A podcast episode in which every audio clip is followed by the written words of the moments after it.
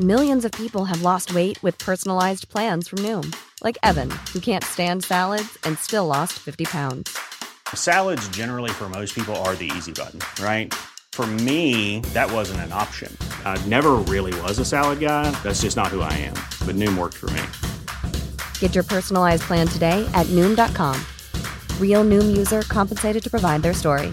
In four weeks, the typical Noom user can expect to lose one to two pounds per week. Individual results may vary.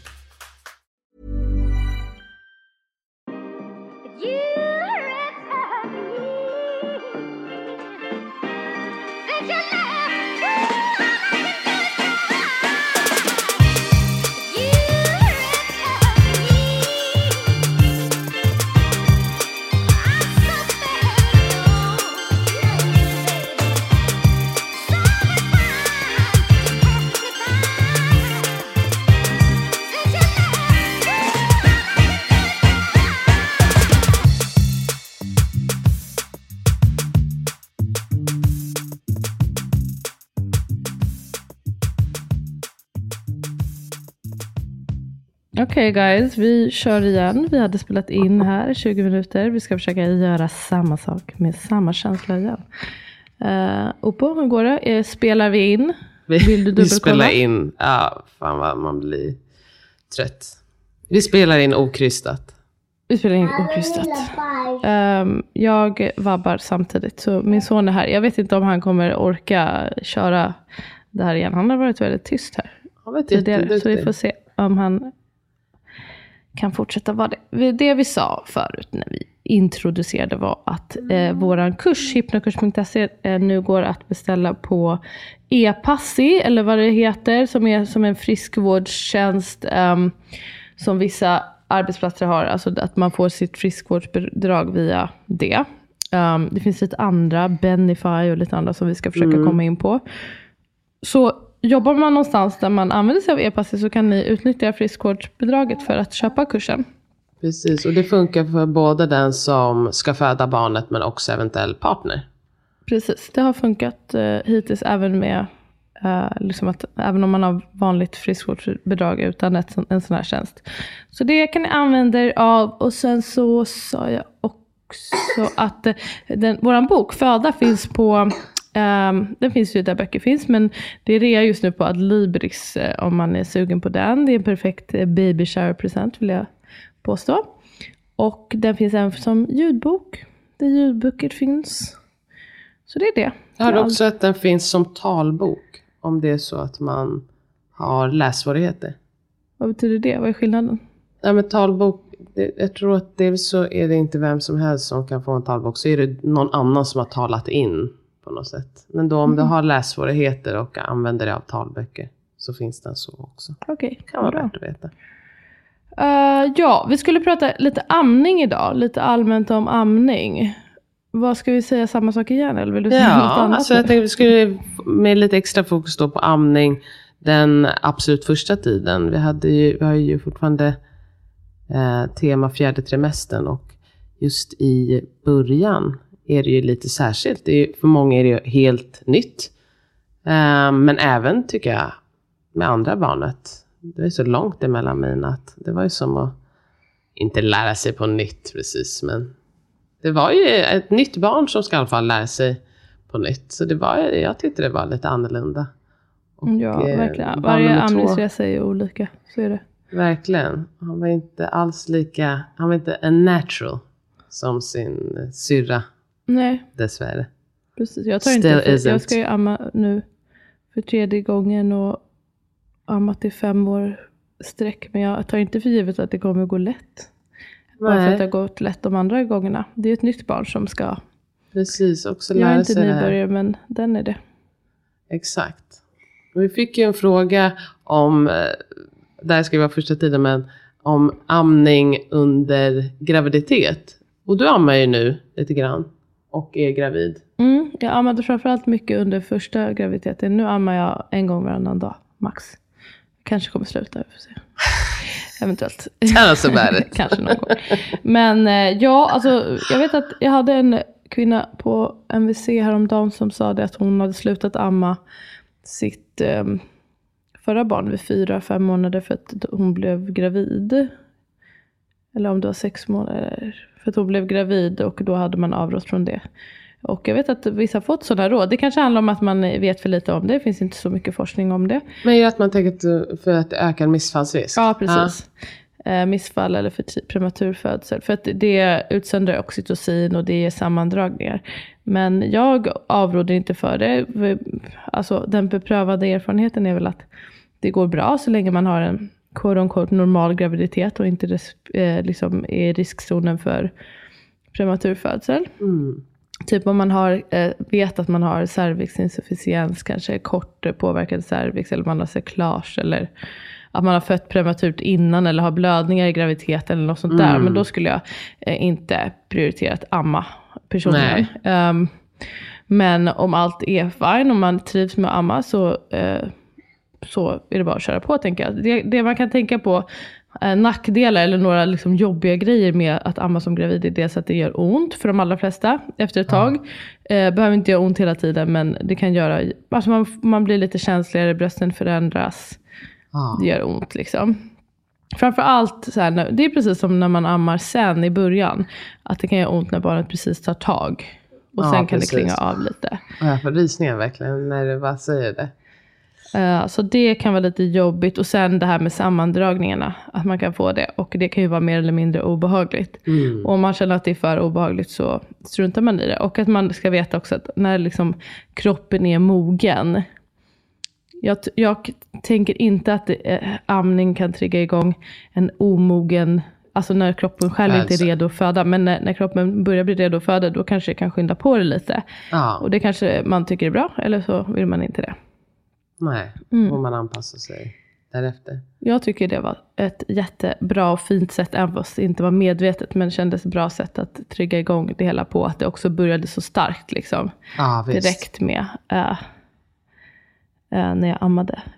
Vad skulle jag säga? Och sen det här med att mjölken, det som folk brukar fråga är, tar man inte slut på råmjölken som det nyfödda barnet ska ha, som finns i en 3-5 dagar där i början efter man har fött.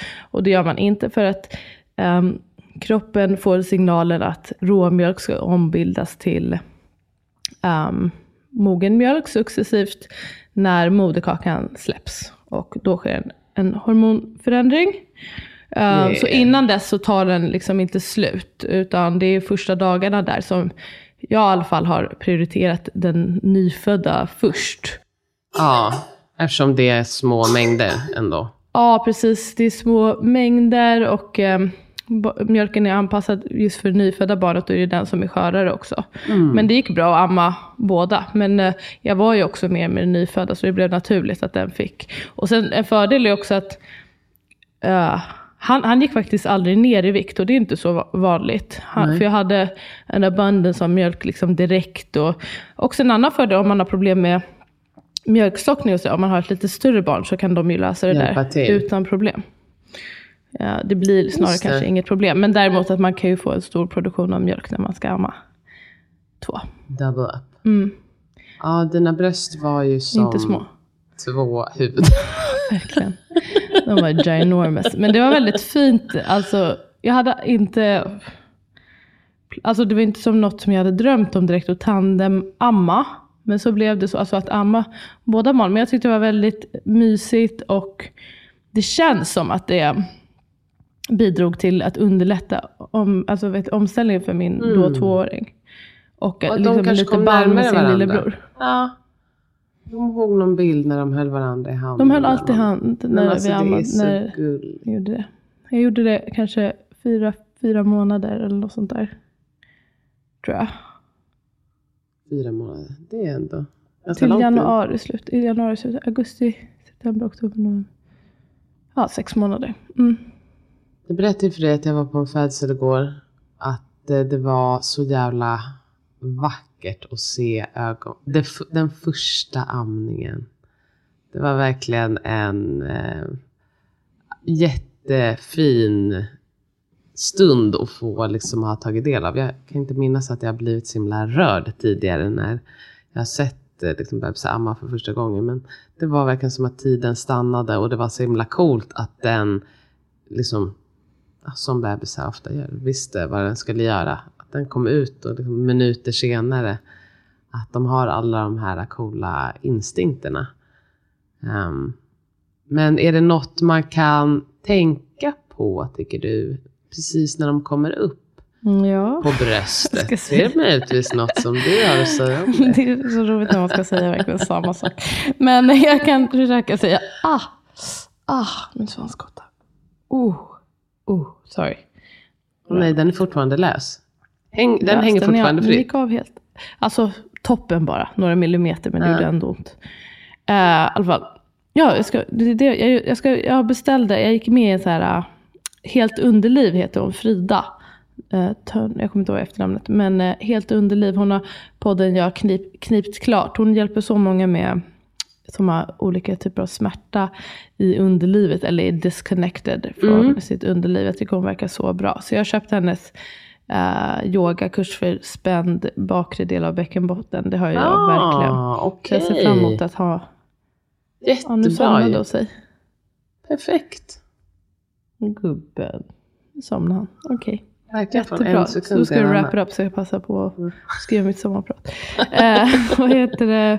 Ja, men shoutout till henne, helt underliv. Vi har knipit klart. Jag tycker de verkar, de har ett annat approach med liksom andning och avslappning och så vidare. Som har, hjälper verkligen många. Bra. Det också behövs flera olika approaches till saker. För att det finns inte verkligen. one size fits all. Utan ehm, man har olika besvär och eh, det är bra att det finns olika tillvägagångssätt. Ja. Att ta tag i de besvär. Och just det när hon pratar om att man kan ha så här freeze, alltså att man tappar kontakt med sitt underliv. Det hade jag en kvinna som sa, som jag mötte häromdagen. Och hon sa att hon känner att hon inte kan närma sig. Hon, har, alltså hon vill inte, hon har ingen kontakt med det. Hon vill inte ha kontakt med det. Hon är distanserad. Hon vill inte att någon ska röra. Hon vill inte röra, du vet.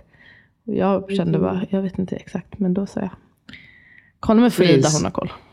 Perfekt. I alla fall, det var inte det som jag skulle säga. Eh, första tiden, vad man kan göra. Ja, men precis. Barnet kommer upp. Jag tänker om, vi, om man backar lite, vad man kan göra för att förbereda sig inför första tiden. Kan man förbereda sig inför att amma? Det är också något som jag märker med kvinnorna jag möter. Jag försöker erbjuda dem, eh, säga att ni kan komma på ett extra besök. Vi kan prata amning. Mm. Lite och tänka på ingen som vill ha. Eh, I alla fall inte när de är gravida första gången. De är bara så här, "Ja, ja, vi... Men typ Ja, att, jag trodde ändå förstisar skulle vilja ha. I alla fall hittills. Jag kanske inte säljer in det tillräckligt bra. Man kanske bara tänker, man är så fokuserad på förlossningen. Det är det. Ja, och jag Det, men det. det tråkiga är att det är inte så sällan jag ändå får höra sen så en, varför, Varför sa ingen att det här var svårt? Ja. Nej, men det, man har ju Varför? tendens att compartmentalize. Men jag ska också säga, i hypnokurs.se har jag en am- amningsdel. Och det var fint att någon skrev det. Att det var precis lagom nivå för en person som, när man tänker mycket på förlossningen. Att det är ändå så här, the basics. Vad bra. vad man kan tänka på. Så den kan ni kolla in. Men jag tänker man kan förbereda sig. Dels genom att läsa på lite grann. Det finns så mycket, Fina böcker. mycket böcker eller så Instagram eller bloggar. Baby Baby används ju av alla i vården typ. Um, hon har verkligen lagt ner sin eh, själ, Lisen. känns som. sin själ och sin tid på det här helt eh, ideellt. Och har massa bra videos, massa bra tips. Särskilt tycker jag om hennes eh, inlägg om hur bajset förändras första dagarna. För det är Jag hörde väldigt verkligen bra. biceps. Men jag förstår. Bicep. bicep. För att Ja. just det här, det, det kan vi komma in på också, men det här med så här oro för barnet i sig tillräckligt. Att om man har lite koll på vad som är normal förändring i bajset, då kan man ändå mm, känna av det lite grann. de. Hon har också en fin video om bröstkompressioner, vilket kan vara jättebra om man behöver öka sin mjölkproduktion. Eller man har en bebis som är lite trött, som somnar lätt vid bröstet. Kan man använda sig av bröstkompressioner. Kolla upp hennes video. Bröstkompressioner, då tänker jag ju direkt på HLR. Ja, precis. Det, var det som jag var, jaha okej. var- Ja, precis. men det är inte det som jag menar. Men eh, så typ babybaby.se, amning i nöd och lust, amning i vardagen är två böcker som är bra. Eh, jag har en gratis eh, föreläsning eller vad man ska säga på YouTube man kan kolla på. Finns säkert på typ 1177 lite bara så här. Ja, och jag tänker att man behöver ju inte bli någon expert eller så här, komma ihåg allting som står i amningen nöd och lust. Men har man läst det en gång åtminstone, bara att då om det skulle vara att det inte går liksom helt perfekt. Att man, det finns ju där någonstans och att man vet, ja, men jag kommer ihåg att jag läste något om, om det här eller att jag hörde något om det här och att man kan då gå tillbaka och kolla om det är så att man skulle ha något besvär. Mm. Man har i alla fall liksom ingenting att förlora på att ha, om det är så att man vill amma, att ha lite koll på amningen. Och där brukar jag också säga till alltså, mina klienter som är i par att, att även den som ska stötta, amningen, alltså delvis att man stöttar amningen då om det är så att den som föder vill amma. Men också att man har liksom lite koll så att man kan stötta på ett bra sätt. Ja, liksom. verkligen. Alltså att ha stöd i sin amning är ju mm, A och O för de flesta. Ja. Att det ska vara en fungerande sak och en, en sak som fortsätter. Så dels det, få skaffa lite kunskap om så här, vad är rätt teknik, vad är liksom vanliga fallgropar. Typ lite basics om mjölkproduktion. Och det är basically så här, ju oftare du får ut mjölk ur dina bröst, ju oftare de liksom är quote unquote tomma, eh, ju mer mjölk produceras. Så man behöver inte hålla på och bunkra mjölk, utan Nej. det är mer amma så mycket som barnet vill. Och typ det här också med så här att små barn vill ofta amma väldigt ofta. Har Precis. små magsäckar, det uh, bryts ner snabbt den där De stora som ett körsbär. Jag visste inte om du... Mm. Sa det förra gången. Eh, Precis, de har små magsäckar. Så, så lite kunskap och sen så nämnde jag det med handstimulering tycker jag att det är bra om man har lite koll på. Det kan man börja med att testa lite från vecka 38 om man vill. Um, om, man, om man förväntas få ett barn som behöver tillmatas. När har man det då? Till exempel om man um, har diabetes så kan det vara uh, så att barnet behöver lite extra um, tillmatning. Och då har man börjat med det på flera sjukhus, att man också hjälper till med att man får uh, handmjölka, handstimulera och eh, spara och frysa in den mjölken som man får ut och ta med det till förlossningen sen och ge den mjölken. Och det har man ju sett är jättebra för att hålla barnets blodsocker eh, stabilt och också för att få till en fungerande amning. Det är väl, och då, att, då ska man fråga MVC eller? Ja, man kan fråga MVC om hur man gör och kanske också så här, vilka kliniker ehm, erbjuder det här eller har koll på det. Men sen så kan, om inte någon gör det kan man ju alltid göra det Bestämma själv. själv. Ja, men lite tips kanske vill man ha om hur man gör och hur man och- sparar på ett hygieniskt sätt och så. Och transporterar. Eh, Och sen- Men även om man inte, alltså om man, om man eh, inte har ett barn som kommer troligen behöva eh, tillmatas så kanske man inte behöver spara mjölken. Men bara för att här, få in lite tekniken, hur det känns. Och det behöver inte komma några mängder. Det behöver inte komma någonting alls för vissa. Um, särskilt under graviditeten. De, jag ska säga, de flesta får nog ut något litet.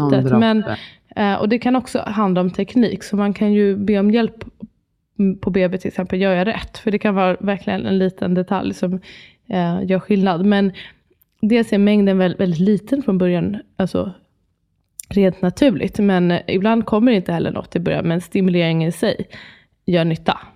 Jag tycker också skulle bara vilja flagga för att, något som man inte tänker på. Att det kan ta liksom lite tid. Att bara för att man liksom gör några kläm och det inte kommer Ja, något. ja. Utan alltså ge det några minuter. Och speciellt liksom i början, man är ovan och man kanske, liksom, det är lite anspänning. Ja, precis. man försöker slappna av och liksom, ge inte upp efter 30 Nej, sekunder. absolut. Det, det kan absolut ta några minuter innan det kommer ens Och en jag tycker ju, droppe. ja, men just, man kan ju kolla lite där med tekniken först. För just också att man håller kvar ett tag efter att man har liksom klämt på bröstet. Att man sen håller det taget en liten stund för att mjölken sen ska komma. Inte gör det för snabbt heller. Lilla pluttis. Eh, men eh, det kan vara bra också att ha tränat på det för att just den här första de här första timmarna är generellt väldigt viktiga för att amningen sen, eller väldigt viktiga, alltså det går att få till en amning ändå, men man har ett försprång om man lyckas amma eh, de första timmarna, två timmarna typ. Eh, och chansen för det ökar ju om man har barnet hud mot hud och nära sig förstås, så att man båda är relativt pigga och friska. Men om det skulle vara så att någon anledning inte kan eller vill amma, att man då kommer igång och handmjölkar, det har man stort försprång med. Och, eller om man, ja, men om man separerar sig, kanske är kejsarsnitt eller barnet måste tas bort eller Ja, vad det nu kan vara. Att komma igång med det så att inte mjölkproduktionen laggar efter. Och så att eh, den här lilla mjölken som man eventuellt får ut, eh, att man sparar antingen om man, om man är separerad från sitt barn eller att man pytsar in det i barnets mun. Eh, och det går bra om man, barnet sover. Det är ju inte några stora mängder utan man kan bara lägga det lite innanför läppen liksom. Och det tas upp av slemhinnorna där inne. Då undviker man, liksom, minskar risken för att barnet ska bli trött och tappa i blodsocker och inte orka amma sen. Eh, plus att man kommer igång med mjölkproduktionen så det inte lägger efter. Och att man hamnar i den onda spiralen. Perfekt. Det är ju också, jag tänker att ah, det är så mycket oro där i början, men att barnens, många barn sover ju väldigt mycket första dygnet. Och att det inte är något konstigt. Och det är inte heller konstigt om barnet all vaken tid Ja, vill verkligen. ligga vid Och bröstet. kanske all sovtid också. Men det, man brukar ju säga att första dygnet, då är de flesta ganska trötta. Förut var man ju ganska lax med att man då inte behöver amma och så. Men ehm, nu, jag upplever det som att på senare tid så är man lite mer att i alla fall det här med handmjölken, att komma igång med det och ge det lilla man får, just för att det inte ska lagga efter. Och sen är det ju också, man behöver inte, det behöver inte bli värsta stressen, men att man också ser till eh, ens unika situation. Har man till exempel haft en tuff, lång förlossning eh, där det har varit jobbigt för barnet, barnet kanske har fötts med sugklocka eller liknande, då kan man ju tänka att det här barnet har utnyttjat ännu lite mer av sina resurser, kanske ännu lite större behov av att Precis. eh, få i sig näring snabbt och att man då är ännu lite mer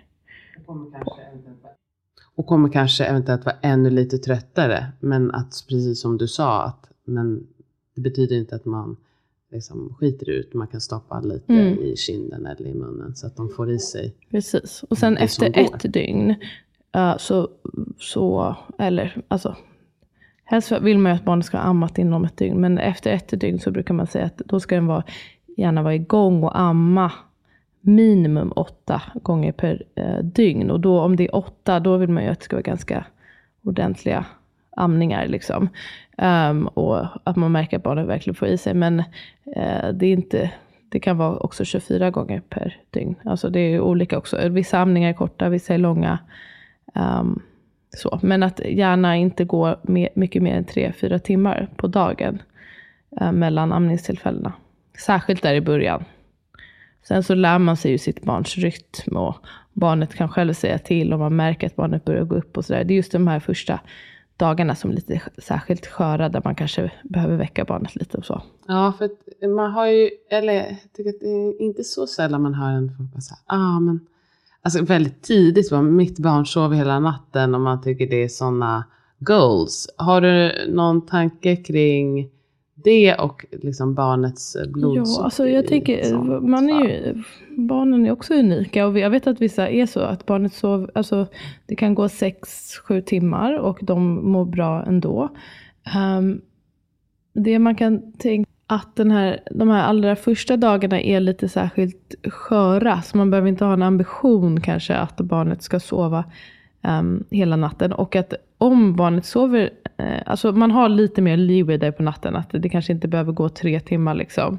Men eh, jag vet inte, ja, fyra, fem skulle jag säga maximum. Så att man sen eh, också såklart tittar på ens barn. Verkar den pigg? Kan den vakna sen och vara pigg och vilja amma? Och amma Mm. ganska mycket på dagen. Ehm, så är det väl fine. Men just det här med att man inte behöver tänka att det är något fel att barn vill amma mycket på natten. Ehm, det man kan känna till är att eh, det här hormonet prolaktin som har en stor del i mjölkproduktionen är som högst på natten. Så om man vill få till en, en liksom hög och bra mjölkproduktion då är det nattamningen som är Som key. Liksom. Mm. Mm. Som, eh, ja. Så det är väl lite så. Titta till ditt barn men också fatta att det finns en poäng med det där. Och eh, just att bröstmjölken bryts ner väldigt fort. Eh, fortare än eh, bröstmjölksersättning till exempel. Och jag tänker att det finns ett syfte med det. Just att barn ska vakna ofta och vilja amma. Just för att det ska minska risken för plötslig spädbarnsdöd. Och när man ammar har man också ett hormonpåslag som gör att man är lättväckt. Och jag tänker det är också eh, kopplat till det, att man ska kunna titta till sitt barn ofta. Jag tycker det är, det är så coolt. Jag tycker många gånger när liksom, eh, ja, men det känns som att det har varit nära att hända något. Jag kommer ihåg jättespecifikt när min dotter kom och la sig bredvid oss på natten. För att, eh, eftersom vi samsov från början. Ehm, men hon kom och la sig bredvid och så ganska fort somnade hon och jag somnade också. Och sen vaknade jag av att jag stoppar hennes hand i luften. Mhm. Eh, som är på väg att liksom läggas på hennes då, liksom, jättelilla lillebror. Aha, okej. Och att jag, då kände jag bara fan det här är, Är det det här är next level. Alltså det var Ja. verkligen, handen flög upp och fångade hennes arm. Vad häftigt. Nej, men då kände jag att det här är, kroppen har tänkt till. Ja, verkligen. Eh, vad mer kan man tänka sig sådär i den Ja, men- allra första början? Jag tänker delvis så, man får ju liksom höra på något sätt, liksom, mm, eller jag tänker många undrar väl när det här med att mjölken ska rinna till. mm. När kan man tänka sig att det är och eh, liksom, behöver alltid vara så dramatiskt som att så här, man har liksom ingenting i brösten och sen plötsligt kommer det vara, jugsen kommer vara Mm, full to the brim. vet ni, alla är olika. What? Det är en sak som är säker. Nej, man kan inte säga att det blir prick samma sätt på- för alla. Men om man ska generalisera för de flesta så känner man ändå att nu händer något i brösten, att de blir mer spända. Mm. Ehm, också att barnet Alltså kanske kan ju bli mycket mer spända. mycket, mycket mer spända. Mm. Man kan ju också få, det kan göra lite ont, man kan få lite lätt feber. Eh, lite lätt feber, ska vara, det ska inte vara någon hög feber, den ska också gå över om det ska vara det är som eh, samma med arbetstempo under liksom en förlossning. Det ska inte vara något ihållande. För då Nej. kan man tänka att det kanske är infektion eller något i livmodern. Feber efter förlossning är ju något att ändå ta på allvar. Så jag vill Mm. inte ja, förminska det. Men ehm, två till fem dagar skulle jag säga. Om man nu um, ammar på. Sen så kan det ju också komma senare om, om amningen är fördröjd av någon anledning. Men om man ammar på så borde det börja ske ungefär då. Att det börjar omvandlas liksom successivt och att man märker att men det är mjölkstasen, det är alltså skiljs från mjölk, inte mjölkstockning, det är när stasen är Mm. en naturlig eh, del. Väldigt spänt. Jag kan Ja. säga att man också, i alla fall jag båda gånger blivit ganska emotionell. Kanske kom ungefär dag tre också då. tiden. Just det med Precis. det hormonella skiftet och baby blues och ser du mycket bröst och Mycket Mycket, vätska. bröst. Och det, är, det, här, det bara läcker. Alltså det var så blöt och kladdig. är det Hela också olika tiden. hur pass mycket man läcker eller inte. För det är ju några som känner så jag läcker inte, jag har ingen mjölk. Det är också en, Ja. Allt möjligt kan ju vara att man inte har någon mjölk. Uh, men eh, vissa läcker, vissa läcker inte. Jag tänker det kanske är något eh, som tål att tas liksom en extra vända. Just eftersom så många är så oroliga för att de inte har någon mjölk. Vill du säga Mm. några korta ord om liksom Jag vet inte. Vad är har, inte det, tecken? det är en hackig uppspelning där, eh, inspelning, så jag vet inte när jag har sagt vad. Om jag har sagt det här med Ja men även, Bajs, även upprepa Ja. tror jag inte är fel. Eh, Jag tänker så här, att det... eh, Alltså, vanliga skäl till att folk tror att de inte har någon mjölk, som inte alls behöver betyda att man inte har någon mjölk. Sen så kan det ju såklart betyda det, men det som enskild faktor behöver inte betyda det.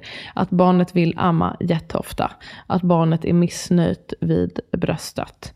Ehm, att eh, brösten känns mjuka. Att man Att inte man har får ut bröst något. vill jag bara säga man har små bröst. Att det har jag också Det har inget med saken att göra. Eh, att det inte kommer no- att man inte släpper något till pump. Ja, eller knappt något. just det. är också jätteolika. Det är Hur man släpper till pump eller hur man släpper till handmjölkning. Eh, det är väldigt individuellt. Eh, de här sakerna betyder inte att man inte har mjölk. Sen, jag, jag var på öppna förskolan igår och pratade amning med mammor där. Och då sa jag det till dem att just deras barn var ja, liksom Mm, små, tre, fyra månader några av dem. Och det, det är också en typisk sån tid där eh, mjölkproduktionen börjar stabilisera sig för de allra flesta. Och för de flesta, det är också olika, men för de flesta så slutar läckaget ungefär vid den här tiden. Brösten blir lite mjukare. Och det är ju att mjölkproduktionen har börjat stabilisera sig. Inte att mjölken är slut, som vissa Nej. tolkar det som. det kan också sammanfalla med lite så här, eh, vet du, växtspurter hos barnet. Att barnet plötsligt vill amma mycket mer och kanske är mer missnöjd och så. Då tänker man också, nu är mjölken slut. Men det är mer att den beställer in lite, nu behöver jag lite mer mjölk generellt. Mm. Generellt om man kan lyssna till barnet. Eh, men Och tecken titta på, på, barnet. och titta på se barnet, hur hur, verkar hur barnet. Ja. verkligen. Men tecken på att barnet får i sig tillräckligt är ju att den um, kissar framför allt. Kissa ska man göra varje dag från start. Eller man har två dygn på sig att kisset ska komma i början. Men sen så ska den, eh, det komma och inte vara superkoncentrerat. Bajset kan komma mer sällan. Men att det ändrar karaktär från det här käriga till att bli lite brunt bland bajs, Att det blir lite ljusare och sen till slut gult om man då helammar. Om man ger ersättning kan det vara grönt. Och att det ändrar liksom karaktär. Um, och att barnet, hur barnet är, att det är pikt, alltså pikt. De Ja, sover men- ju fett mycket. Men att Ja. har, alltså, orkar vakna för att amma. slö, inte svårväckt. Ja. Precis. Um, och att barnet eh, går upp i vikt. Ofta, de flesta barn går ner i vikt efter födseln. eh, men 10% är som ett riktmärke. Helst inte mer än 10% av födelsevikten. Eh, men sen börjar vända i vikt. Då kan man vara rätt säker på att barnet får i sig. Nu blir jag andfådd av att sitta här. Så sitta ner. Sitter för att jag vrider mig så här. Men ehm, ja, men alltså att just det här med att barnet vill amma ofta, barnet är lite missnöjd, kanske inte minst på kvällarna. Alltså, särskilt där i början, då kanske inte den, då, efter typ dygn två, det är vanligt vid- dygn två att barnen är supermissnöjda, kanske efter, eller missnöjda. De vill amma mycket, vill ha mycket närhet. Och då är det ju deras sätt att säga så nu vill jag ha, nu behöver jag ännu lite mer mjölk. Nu har jag vilat, jag vill amma mycket för att få igång den här produktionen. Ja, precis. Exakt, se det som en um, beställning Efterfrågan. Ja, mer precis. än ett klagomål. Efterfrågan styr. Eh, och en annat, ja, det kan ju också vara det här just att, man, att barnet blir, upplevs nöjdare med ersättning. Ehm, eller upplevs nöjdare för att den kanske sover mer. Det är väl exakt och det kan man ju i och för sig vilja. Vissa känner ju att, de, ja, att man, vill, man kanske vill delamma eller ge ersättning helt av den anledningen för man känner att det är enklare för en. Men det behöver inte vara för att, jag vet, ba- bara att man förstår vad som är normalt nyföddsbeteende Ja. helt enkelt. Och som sagt, det behöver, för att man gråter och vill amma oftare behöver inte det vara att man är missnöjd, så att säga. Nej, precis. Ehm, Och det här just som jag har pratat massa om, jag har ett eh, blogginlägg om det, kvällsoro. Um, som vissa barn har från typ tre veckor ungefär är väl vanligt att, man, att de kan bli lite missnöjda på eftermiddag kväll. Och då också att det är just på kväll, att de släpper, verkar jättemissnöjda, vill amma jättemycket men släpper. Det är min lilla hostande son här. Ehm, att det kan verkligen upplevas som att det här, alltså jag, jag har också känt det själv, det här verkar ha, men de gillar inte att amma. Ja bara- gillar inte amma, tycker inte om det, det är inte bra, ja det är någonting fel. Men eh, det där vet man ju inte riktigt vad det handlar om. Kanske är att det är mycket stimuli. Och jag kommer ihåg att jag bara, stimuli, alltså när jag är vaken typ. Jag inte så, gör inte så mycket på dagen direkt. Men det är ju mycket att ta in bara man öppnar ögonen. Men gud, snälla. Man tänker så här, även om man inte öppnar Dofter, ögonen. röster, ja allt det här. Exakt, material på ens kropp. Verkligen. Temperaturen, alltså men det är så mycket att anpassa sig. Men det verkar jättetufft. Att man ska bajsa någon gång. Ja, precis. Alltså, så, det, så det kan ju säkerligen vara just det. Men också att det handlar om trötthet. Fast man kanske blir lite övertrött. Just när man, om man lyckas hitta mönstret där och kunna innan dess typ lägga barnet. Då brukar det där gå rätt bra.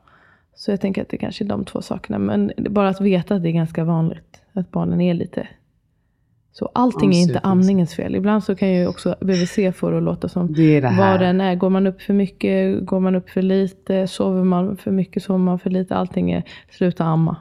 Vissa, Ja, men det, det, är så, det blir jättetokigt. Och sen också kanske också att allt eh, uttaget, det här med att man tänker hela tiden att det är någonting som är fel. Alltså att man letar så mycket fel. Med att eh, just det med, ja de gråter, ehm, då måste det vara någonting fel. Att det behöver inte alltid vara något som är fel. Det kanske, liksom, titta på barnet och ehm, se vad som funkar och vad som är normalt och då kanske man inte kommer tro just att eh, man har gjort någonting dåligt. Och försök, försök att lyssna på dig själv. Och Mm. vad, vad, om, du, om du stänger av allt brus, alla råd, allting. Vad, vad känner du? Din Mm. magkänsla här. Mm, För man har ofta svaret inom sig. Jag tycker Det är det. det är ofta folk skriver till mig efter de har fått något råd på BVC. Kanske att de ska sluta amma till exempel åtta månader eller någonting. Och jag bara säger, fast det funkar så bra för oss, vi trivs jättebra men jag, jag vet inte hur jag ska göra. Och då är det bara, men jag tror du vet vad ni ska göra. Ja. Ja, och då är det ju ofta så att de bara kanske vill ha lite bekräftelse i att jag får göra som jag vill. ja, och du känner ju ditt barn. Herregud. Mm. Det är ingen annan som har haft det här barnet. Liksom. Nej, och jag också säga att det för de, alltså amningsresan beroende på hur lång den är, men oavsett, även om den är kort, är ju föränderlig. Och att det kan vara absolut, alltså som det är i början är det inte som det är sen. Att amma ett lite större barn är inte, det, det, det blir olika hela tiden. Och det, olika perioder kan ha olika utmaningar. Toppar och dalar. Ja, Verkligen. men det är framförallt med första amningsgång, då är ju båda verkligen nybörjare också. Och eh, det är olika hur lätt barn har för det där. Och, olika, och hur lätt hur eh, man själv har för det av olika Exakt. anledningar. Men det kan, det kan få ta tid och man behöver inte kunna allt direkt. Nej. Mm. Ska vi avsluta där? Jag tycker det. Då kan vi ta ett avsnitt någon gång om lite eh, liksom senare amning också. Av lite, lite äldre barn. Det låter jättebra. Okej, Oppo, vill du avsluta med en klok tanke? Nej. Men har du någon ris och ros? Uh, sånt, här, sånt här behöver jag tänka lite. Alltså ris och ros till människor eller till mig själv? Ja, det får du bestämma själv. Jag, jag kan säga fall en, jag kom nämligen direkt på en, en ris. Och det är fan eh, personal som är med folk som ska föda. Som pratar hela fucking tiden. Jag vet. Vet du, Oh, ja, det var Jag- det som jag kände förra gången när jag var där på SÖS. alltså Oj, jag kanske mina ögon. Ja men det, Ja, så, så är det väl på alla Alltså det finns jag alltid någon som bara älskar. Alltså de har svårt för tystnad helt Nej enkelt. men alltså, och jag kände bara, ja, mina ögon rullade så deep back Ja, in my brain att jag Ja. var så här, hur, hur ska jag kunna se igen? Nej men vad fan, alltså bara prata, prata, prata, prata, prata, prata, prata. Och bara, men du ser ju att hon blundar. Du fattar inte liksom någonting om det här med oxytocin och lugn och hon ro. ska ju krysta, hon håller på att krysta nu. Hon samlar kraft mellan sammandragningar. Du behöver inte berätta om det skulle bli ett akut läge. Då kommer du ringa på larmknappen. Då kommer komma in 12 personer. Vi är Varför inte där nu, men jag vill ändå informera dig så att du inte blir förvånad. Eh, vet du vad? Det är inte så det funkar. Okej, och kommer ändå bli men chockad. blir liksom. Och, ja, men, alltså, nej. Känn av lite grann. Okej? Känn av. Och då kan jag väl i och för sig passa på att köra Ros. ros, på samma tema. Att man är tyst och att man litar på, ge den födande en chans. Var det någon som gjorde det eller? Eh. Ja, på hemfödseln. Då Mm. Inte direkt säga, ska jag berätta för dig, har de berättat för dig hur du ska krysta? Fick Mm. eh, frågan på sjukhuset. Jag tror Och de att- också har, att kanske- de är så ovana vid, för det här var en fysiologisk födsel, eller? Semi. Ja, ah, semi. Alltså, men mer eller mindre. Hon var i alla fall inte tungt bedövad. Nej, hon, ju hade känna- lustgas. Hon, hon och kände sina egna krystsensationer. Ja, hon höll ju på. Och du vet, så här, innan du ens har kollat hur det går, att börja fråga, har de sagt till dig hur du ska göra? För det säger ju till någon att så här, du vet inte hur man gör, Mm. utan du måste ju bli informerad om hur du ska göra eh, för att det här ska bli rätt. Mm. Eh, Så min ros är de som tror, ger den födande en chans. Eh, Och sen så kan man ju behöva steppa in och hjälpa till. Det säger jag ingenting om. Men åtminstone ge folk en chans. Mm. Då ger också ris på samma tema. Och det är det här med att ha öppnat sina ögon. Eller vad man ska säga. Just åh, att det kan också vara, det är A väldigt gift and a curse. Ja, verkligen gift and a curse. För typ när jag var på en sjukhusfödsel nu senast då. ehm, och jag, bara, jag kände också att det här, alltså det som jag tänker på, den här personen som föder, hon, hon tänker inte på det. Hon, hon, är, hon är nöjd med sin upplevelse. Mm. Och det är ju såklart det viktigaste. Och det är det, det Ja. jag bryr mig om. Men jag, också vill verkligen poängtera, de här var, jag tycker de var jättebra. Framförallt barnmorskan väldigt lyhörd. Jag märkte att hon verkligen försökte. Det är hela systemet och de här kraven hon har på sig att följa och sådär. Jag tyckte hon gjorde det jättebra. Så bra som hon Ja, kunde. så bra som hon kunde. Det är mer allting runt omkring och att man måste göra si, man måste göra så. Och, att, eh, och det var också vissa som var väldigt pratiga. Och bara, det, det var väldigt mycket runt omkring som jag blev bara så här, "Ugh, det här är Men det är också det att det är så, Så. jävla mycket grejer runt omkring. bara så här, jag fattar att alla de här människorna som önskar någonting, de önskar kanske fysiologiskt födelse. I alla fall folk som följer oss, många vill ha det. Ehm, Ja. eh, det kanske inte är representativt för liksom allmänheten i sig, men många vill det. Och sen så blir det ofta, ibland blir det så, men ofta blir det inte så. Framförallt med första barnet. Ja, Eh, och så blir man superbesviken. Men det, det är jättesvårt. Att göra det Jag vet i den inte där ens miljön. hur det ska gå. För det är också, för om det ska gå, då ska det, det ska gå liksom eh, lagom fort enligt eh, vad någon annan Exakt, tycker. det det. Du ska komma in eh, i lagom tid. Ehm, du ska också ha någon som respekterar att du vill ha det så. Precis, någon som är Ehm. samstämmig. Så det är lite, det, det, är, jag vill, eh, det är inte omöjligt, men det är lite lotteri. Och det som jag framför allt kanske, det finns absolut sånt som man kan göra för att öka chanserna för det. Man kan förbereda sig, man kan skaffa sina verktyg och redskap. Och det är absolut inte förgäves och många får det. Eh, det, det är ju absolut alltså, ett råd, starkt råd att inte bara lägga dig i det blir som det Nej. blir. Om det är det som är din önskan, till exempel en fysiologisk födsel på sjukhus. Då är ju förberedelse A eh, och O. tycker jag. Ehm, men blir det inte så, om man inte quote unquote, lyckas eller man behöver eh, mer liksom, medicinsk hjälp än vad man tror. Det är inte ens eget fel. Det är väldigt svårt i allt det där Ja. bruset. Okej, man måste ge någon ros. Sätt djupt in. En ros. Eh, eh, kanske en till ros. mig som Ja, okej, jag fixade tänkte din ge till en annan. Men jag, jag ger det till dig Oppo. Oppo eh, jag har tyvärr ett, ett lätt, jag ska inte säga handikapp, men eh, en liten diagnos i att jag kan, har väldigt svårt att öppna mina brev ibland. I alla fall när de hopar sig, vilket de alltid gör. Eh, och då var Oppo så snäll och kom hit och öppnade mina brev och fixat lite autogiro till mig. betalat dina räkningar och Alltså lagt med mina dem i pengar. Olika... Absolut. Ja, och Och fixat. olika Alltså det är här. för jag får faktiskt ångest av Och det där. kastat det som inte var relevant. Jättebra. Och de där blommorna och det där paketet som jag har där. Jag kommer aldrig öppna, jag kommer inte öppna det. Ser du Jag mitt ska fönsterbrädan? De här har varit där i månader. Det här är mitten. Jag ska ordna det innan vi går. Oh my gosh, tack. Du får min ros. Men min andra ros var faktiskt till ja, vissa av de kvinnorna som jag har på MVC som har fött väldigt många barn. Jag tänker på en framförallt. Jag kanske inte ska säga. Hon har fött väldigt många barn. Okej. Och hon skaffade ett till.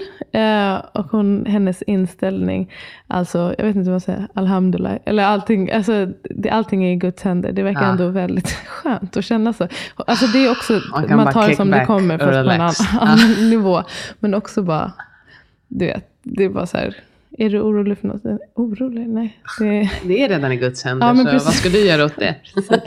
bara allting, vi bestämmer ingenting. Det kommer bli liksom. Vad Och det är väldigt bara refreshing att bara se, du, du är inte orolig för ett skit i det här.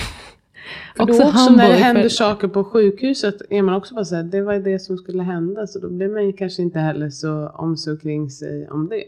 Nej. Bara, det är en väldigt eh, otrolig, också en, en, en enorm tillit. En, ah, och en skönt. förståelse för både liv och död som är, som är svår för oss att greppa som inte har mött det på nära håll på det sättet. Men det ger mig väldigt, eh, det ger mig mycket lycka att träffa henne och dem. Mm, Mm. Nu förstår jag. Okej, då hon förtjänar rosen. Okej, men du får den, hon får ingen. Okej guys, tack att Okej, ni lyssnar. I love you, bye.